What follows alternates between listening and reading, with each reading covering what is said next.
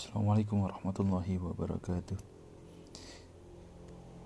Alhamdulillah Rabbil Alamin Wabihi nasta'inu ala umri dunia wa din Wassalatu wassalamu ala asrafil anbiya'i wal mursalin Wa ala alihi wa sahbihi wa jama'in wa maulana Muhammad amma ba'du Ma'asyiral muslimin rahimah Rahimani wa rahimakumullah Segala puji bagi Allah Rabb semesta alam yang memerintahkan kita untuk terus bertakwa kepadanya.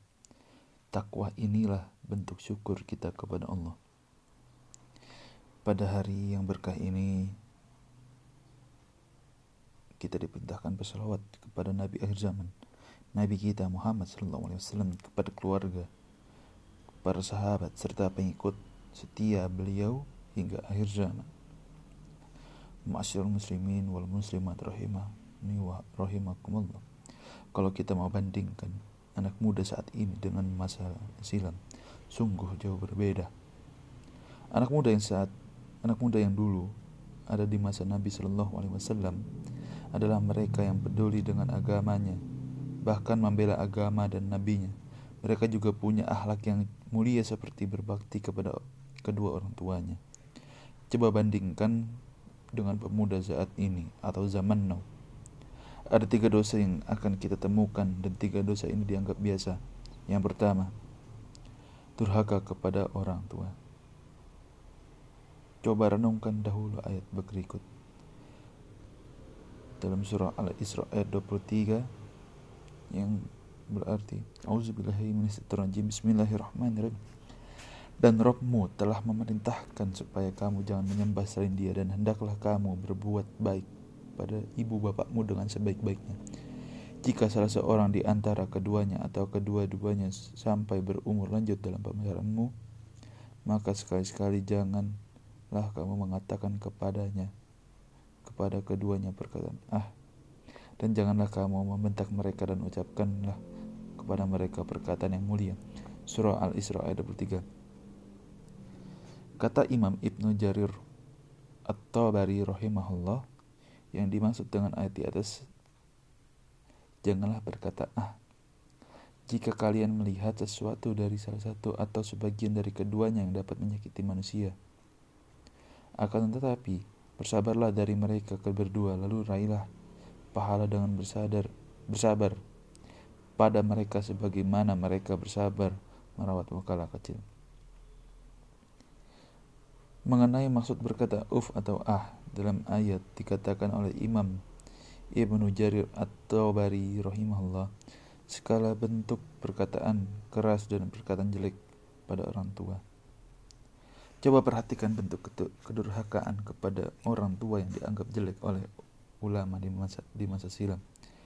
Mujahid rahimahullah mengatakan, tidak sepantasnya orang anak menahan tangan kedua orang tuanya yang ingin memakulnya. Begitu juga tidak termasuk sikap berbakti adalah Seorang anak memandang kedua orang tuanya dengan pandangan yang tajam. Barang siapa yang membuat kedua orang tuanya sedih berarti dia telah mendurhakai keduanya.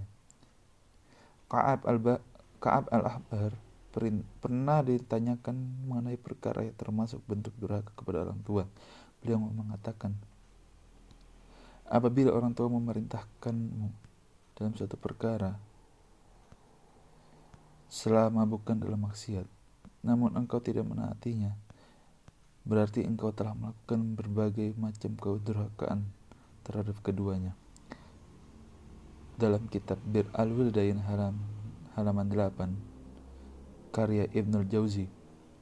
Coba perhatikan, banyak ataukah ketidak kedurhakaan anak muda saat ini seperti yang ditunjukkan di atas. Betapa banyak anak muda saat ini dengan orang tua saja berbicara keras dan kasar. Yang kedua, pacaran, suka nonton video porno hingga onani dan berzina. Padahal zina itu dilarang dan segala jalan menuju zina pun dilarang. Di antara jalan menuju zina adalah melalui pacaran. Dalam ayat disebutkan, dan janganlah kamu mendekati zina.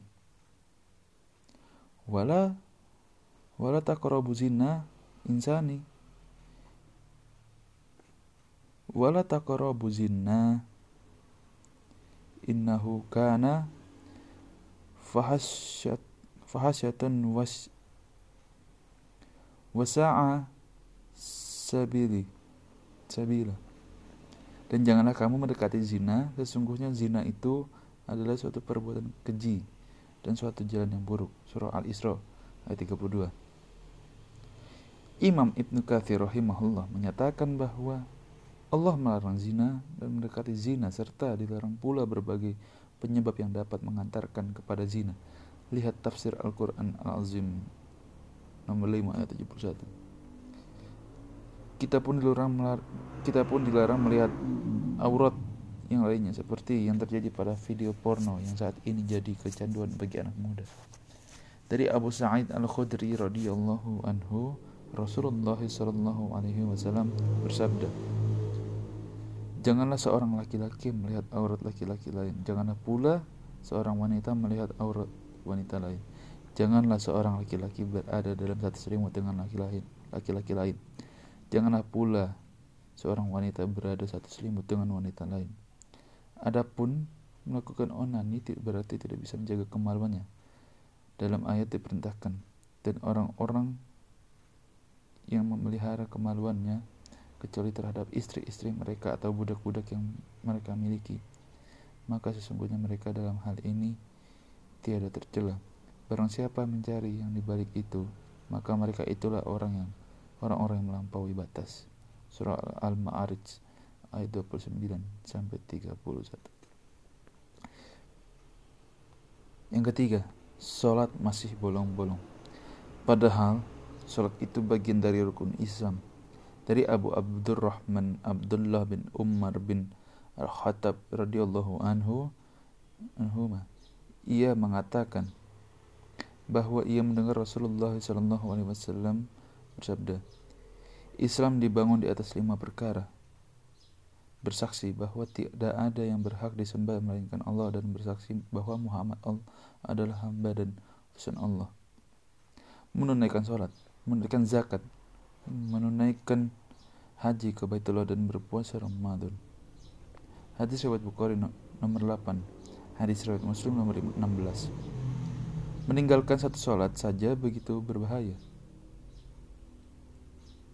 Dari Jabir radhiyallahu anhu, ia berkata bahwa ia mendengar Rasulullah SAW bersabda, Sesungguhnya batas antara seseorang dengan syirik dan kufur itu adalah meninggalkan sholat. Hadis riwayat Muslim nomor 82. Sengsaranya anak muda adalah Sengsaranya anak muda adalah kalau jauh dari agama. Dari Abu Hurairah radhiyallahu anhu, Rasulullah SAW pernah bersabda, Allah sangat membenci orang yang jazari, orang sombong. Jawaz, rakus lagi, lagi pelit. Suka trek di pasar, bertengkar, berebut hak. Bangkai di malam hari, tidur sampai baki. Keledai di siang hari karena yang dipikir hanya makan. Pintar masalah dunia namun bodoh masalah akhirat. Hadis riwayat Ibnu Hibban dalam kitabnya Sahihnya 72 Al-Isan. Demikian khutbah pertama. Demikian tausiah singkat ini semoga Allah memberikan taufik dan hidayah.